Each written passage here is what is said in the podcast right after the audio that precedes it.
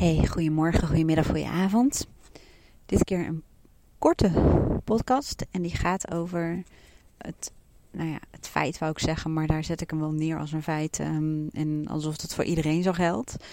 Maar laat ik het zo zeggen, de meeste mensen komen pas in beweging om een verandering door te voeren of een gewoonte toe te voegen. Als ze de urgentie of de noodzaak voelen dus ergens echt heel erg veel last van hebben of iets helemaal zat zijn. Of er gebeurt iets waardoor je ja, gewoon niet anders meer kan. Dus echt pijn voelen bij wijze van spreken. Of als het verlangen groot genoeg is. En dat verlangen voeden noem ik het altijd. Daar stuur ik ook heel erg op aan in mijn uh, coachtrajecten. Um, tuurlijk, dat is veel fijner om vanuit een ja, hoopvolle, positieve, enthousiaste, passievolle vibe dingen te veranderen. Dat, dat, dat natuurlijk werkt lekkerder. En waar zie je dat nou? Op welk moment? Volgens mij zit er gewoon een spin in mijn trui. Wacht even. Ik zit buiten. Oké, ik kan hem even niet vinden. Ik zit misschien tegen een nestje aan of zo. Nou, maakt ook niet uit. Dat uh, komt ook wel weer goed. Um, Even kijken. Oh ja, wanneer voel je dat nou? Of uh, wanneer merk je bijvoorbeeld dat mensen dat verlangen heel erg voelen? Um, ja, ik vind het voorbeeld van verliefdheid bijvoorbeeld wel een, uh, een mooie. En uh, in de tijd dat ik alleen was met Lisa, mijn dochter, um, ja, werkte ik best wel veel. Ik had ook geen keuze, om het zo te zeggen. Want niemand kwam een zak geld of zo door de briefbus stoppen. Um, en ik had een behoorlijk rijk sociaal leven met Lisa. En we hadden gewoon veel dingen waar we mee bezig waren. Kortom, een volle agenda. Ik heb die agenda's nog trouwens. Laatst zat ik erin te kijken dat ik echt dacht, hoe dan? Precies, oké. Um, maar anyway, dus ik had echt zoiets van, ja, weet je... Ik uh, kan er niks meer bij hebben. Het is gewoon helemaal vol in mijn agenda. En ik hoefde ook geen man, want ik was al helemaal klaar ermee met het idee. En uh, ik dacht, alle leuke mannen zijn bezet. En um, ik denk dat ik gewoon een oude vrijster word of zo. zo die mindset. Nee, op een gegeven moment heb ik wel een lijstje gemaakt van mijn ideale man, mijn ideale relatie, gebaseerd op mijn waarden. Um, maar laat ik het zo zeggen, um, ik vond het wel oké. Maar ja, toen kwam Aaron. En um, heel veel mensen gebruiken nu Tinder. Nou, bij ons is het via LinkedIn gegaan. We kennen elkaar van vroeger. Wij hebben als tieners al verkering met elkaar gehad. En we kwamen eigenlijk weer zo in elkaars leven. Dus Eerst zei ik dus dat ik het overal te druk voor had en nergens naartoe kwam. Maar ja, toen waren we verliefd. En dan zie je door die passie en het verlangen dat um, je wel manieren vindt om elkaar te kunnen zien. Uh, soms ook op de meest krankzinnige tijdstippen, dat even terzijde. Maar je wordt daar heel creatief van. En um, je wordt ook heel erg gedreven. Ze zeggen wel eens verliefdheid is een tijdelijke gekte. Het moet ook niet te lang duren. Maar in elk geval, uh, door dat verlangen naar elkaar. Uh, hoe zegt ze het ook? Van, um, ik ben zo slecht in dingen. Nee, ik ben helemaal niet slecht. Dat moet ik ook helemaal niet zeggen tegen mezelf. Maar ik kan niet altijd zo mooi terughalen zoals andere mensen dat dan zeggen. Um, waar een wil is, is een weg. Maar waar um, niet is of zo is een excuus. Nou, je snapt wel zo wat ik bedoel. Maar daar was dus de wil en dus ook de weg, no matter what.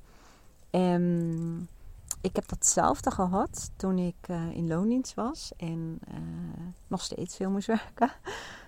Uh, niet alleen meer voor dat geld, maar wel ook omdat dat een functie was waarbij het wel handig is als je regelmatig bent, zullen we maar zeggen.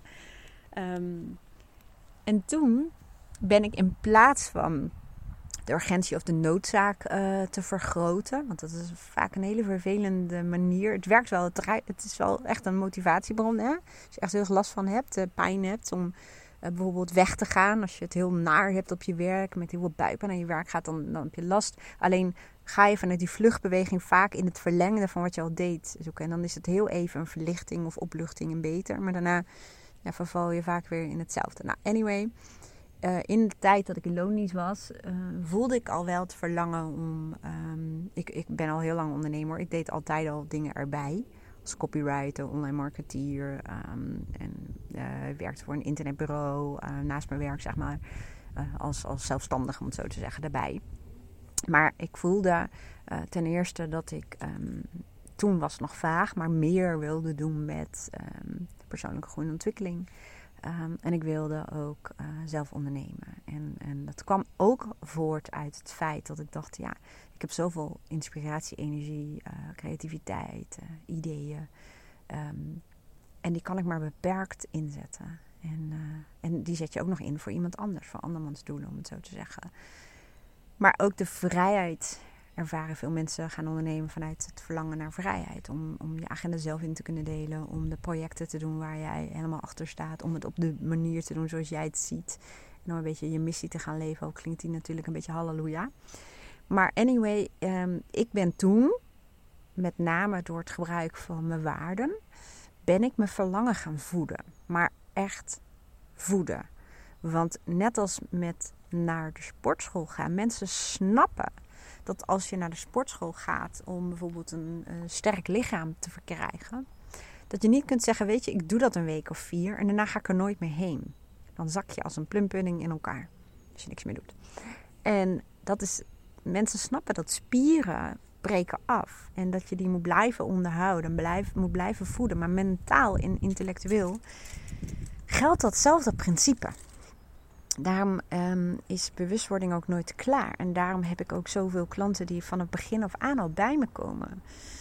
Omdat um, ja, ik ook fungeer als een soort mentale, intellectuele sportschool. Om het zo te zeggen. En omdat mensen vaak steeds sterker worden. En steeds meer willen ook. Uh, vaak en steeds verder willen doorontwikkelen. Maar weten dat dat gepaard gaat met bewust denken en, en, en moeite doen, zo te zeggen. En datzelfde geldt voor verlangen. Dat je kunt niet eenmalig leuk um, uit gaan denken van, in mijn geval toen, hoe zou mijn leven eruit zien als ik zelfstandig ondernemer zou zijn en een leuke vision board maken en dat soort dingen. En dan klaar. Nee.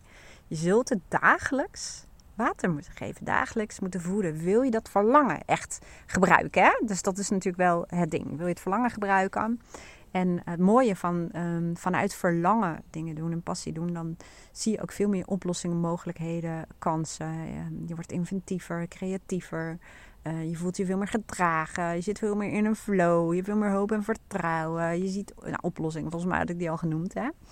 Maar dat verlangen voeden betekent dat je dat op verschillende manieren. En waarom zeg ik nou verschillende manieren? Omdat je niet ermee wegkomt, in mijn beleving, hè, misschien ben jij wel zo'n persoon, maar met elke dag bezig zijn met je vision board. Het kan helpen, maar vaak heb je verschillende manieren nodig om dat verlangen als het ware um, te voeden. En niet iedereen is visueel ingesteld, hè? dat ook. Dus het gaat vaak om het hele zintuigelijke plaatje, om het zo te zeggen. Dus dat is iets wat um, je enorm kan helpen. En daardoor maak je het als het ware ook belangrijk. Ja, door, die, door het verlangen te voeden. En we doen het vaak niet in het dagelijks leven. Heel veel mensen zeggen bijvoorbeeld ook: Ik wil meer tijd en aandacht voor uh, mijn kinderen, of voor mijn partner, of voor mijn sociale leven, of voor mezelf. Maar ze blijven het willen. En het blijft bij willen. En de realiteit is dat heel veel mensen uh, de restjes van hun tijd, hun energie, zelfs hun gezondheid, die besteden ze aan dat wat eigenlijk het allerbelangrijkste is. Dus heel veel, het gaat ten koste van wat je belangrijk vindt. Dus heel veel dingen die je doet, laat ik het zo zeggen. En Hè? De tijd voor jezelf is er dan bijna niet. Of je bent dan al zo druk en afgedraaid of uitgeput dat je er ook helemaal niet meer van kan genieten. Of uh, je bent met je kinderen, maar je zit met je hoofd um, in de overdrijf. Of je bent samen met je partner um, alleen ben je op elkaar aan het fitten. Omdat je wel een huishouden runt en noem het allemaal maar op en je niet meer gezien en gewaardeerd voelt. Um, of je zegt al jaren dat je iets wil. Maar je hebt elke keer geen tijd voor. Maar elke dag ben je er wel van bewust dat je het zou willen. En dat je tijd aan het verliezen bent, om het zo te zeggen. Dus daarvan zie je ook. Dan is het dus emotioneel en mentaal nog niet belangrijk genoeg voor je. En je voelt het wel als belangrijk genoeg. Je voelt wel. Elke ouder zal dat zo ongeveer beamen. Dat je kind bijvoorbeeld het belangrijkste is. Of je eigen gezondheid. Of tijd voor jezelf. Of, of, of je relatie. Of je familie. Of wat dan ook. Hè? Maar de realiteit, als je daar naar kijkt, denk je ja, maar de realiteit wijst iets anders uit. En dat is niet omdat je het niet wil of niet belangrijk genoeg vindt. Maar er zitten heel veel andere dingen die hebben vaak ook te maken met de normen en verwachtingen van mensen. Die op dat moment belangrijker voor je zijn. Al zou je het niet willen. Maar dat heeft vaak met overleven te maken. En met diepe angsten. De angsten voor verlies. De angsten voor verlies van inkomen, van aanzien, van een plek in de maatschappij, ehm, goedkeuring. En dat, hoe raar het ook mogen klinken, weegt soms zwaarder dan wat je zegt belangrijk te vinden. Wat ook echt zo is. Hè? Want je vindt het ook echt belangrijk. Alleen je kunt er niet naar handelen zoals dat je zou willen.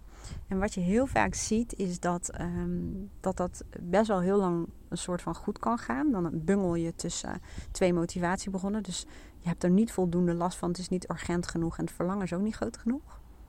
Maar wat ik in mijn tijd, toen ik heel veel relatiecoaching uh, deed, heel veel zag, is dat um, bijvoorbeeld um, ja, in 90% van de gevallen nam een man contact met mij op. En heel vaak via mail, een aanvraag uh, op meest bizarre tijdstippen, vaak middernacht of s avonds laat. En uh, dan was het vijf voor twaalf. Dan had de vrouw gezegd: Ik heb al zo vaak tegen je gezegd dat ik niet meer zo verder met je kan. Of dat ik meer van je verwacht. Of dat je een keertje met je aandacht erbij moet zijn. Of tijd voor ons. Of dat we gewoon samen. Maar het was niet urgent genoeg en het verlangen was er ook niet. En dan zie je vaak wat ik zag. En dat is ook de reden waarom ik hem het ook niet meer aanbied op mijn website. Ik doe het nog wel in mijn klantennetwerk wel, sorry, relatiecoaching. Maar ik dacht, ja, ik zag het eigenlijk al wel dat de uh, vrouw was zat. En was er helemaal klaar mee. En toen werd ze urgent. Um, in mijn geval, hè, dus mijn ervaring als coachpraktijk. Hè, er zullen heel veel uh, mensen zijn waarbij misschien een vrouw de initiatiefnemer is van het gesprek. Maar bij mij was het 90% van de tijd de man. En um, ik uh, splitste ze vaak, omdat ik al, um, ja, noem het ervaring, kon zien, die vrouw is er helemaal klaar mee. En uh, dan had ik even een gesprekje bijvoorbeeld met allebei. Nou, zei ze ook, ja, ik zit hier wel. Maar ik heb al besloten. Het is uh, klaar. Ik wil echt niet meer. Er is niets in meer in mij. Het enige waar de meeste vrouwen in ieder geval heel veel last van hadden, bij mij dan in de praktijk, was schuldgevoel naar de kinderen. En um, het gevoel dat zij het gezin kapot hebben gemaakt. Um, en uh, het, het, ja, de pijn om kinderen deeltijd te moeten missen. Dus dat, dat was vaak waar het traject dan op voortging. En wat ik wel, nou, ik wou zeggen grappig, maar het is natuurlijk helemaal niet grappig. Maar um, heel veel mannen die, die dan. En sorry hoor, bij mij is dit het. Hè? Dus ik wil niet man en vrouw in een hokje. Maar dit is mijn ervaring. In de meeste gevallen in mijn relatiecoaching tijd. En dat de man uh, op het moment dat hij hoorde dat er echt geen hoop meer was, um, al heel snel afhaakte. Maar um, totdat ze dat punt hadden bereikt, was het zo urgent voor ze dat ze alles lieten vallen alles heel absoluut en resoluut. Waarvan vaak die vrouw eerder had gezegd om daar maar een klein beetje van te laten vallen. En een klein beetje aan de kant te schrijven voor bijvoorbeeld het gezin en de relatie. En dat is wat pijn en urgentie met je kan doen. Dat je op dat moment is het zo belangrijk, je kan niet meer verder. Er zijn ook heel veel mensen die met best wel, ja, soms pittige gezondheidsklachten bij me komen. En dat is voor hun het punt waarop het echt niet meer verder kan. Het kan gewoon niet meer. Hoe je het ook went of keert, of wat je ook gaat doen. Wilskracht is bijvoorbeeld ook niet meer genoeg. En ja, dat is vaak um, waarop mensen wel in beweging komen. En gaan doen wat ze echt willen en echt belangrijk vinden. En in mijn coaching werk ik ook veel met um, nou ja, de wetenschap dat er angst voor verlies, uh, heel erg groot is. Hè? Dus uh, ik stuur meestal op verlangen, maar soms, soms um, kan ik daar nog niet bij bij iemand. Of dan weet ik, oh, ik moet eerst even iemand pijn doen. En dat klinkt een beetje naar, maar um, om je in beweging te krijgen helpt het wel om de, de, de, de problemen die je ervaart, om eens even een doorkijkje te nemen in de tijd van wat gebeurt als je niets doet? Als je nu dit laat zoals het is, hoe, hoe voel je dan over een paar weken of een paar maanden? Waar, hoe, hoe, gaat het dan met je? Waar, waar, waar heb je dan last van? En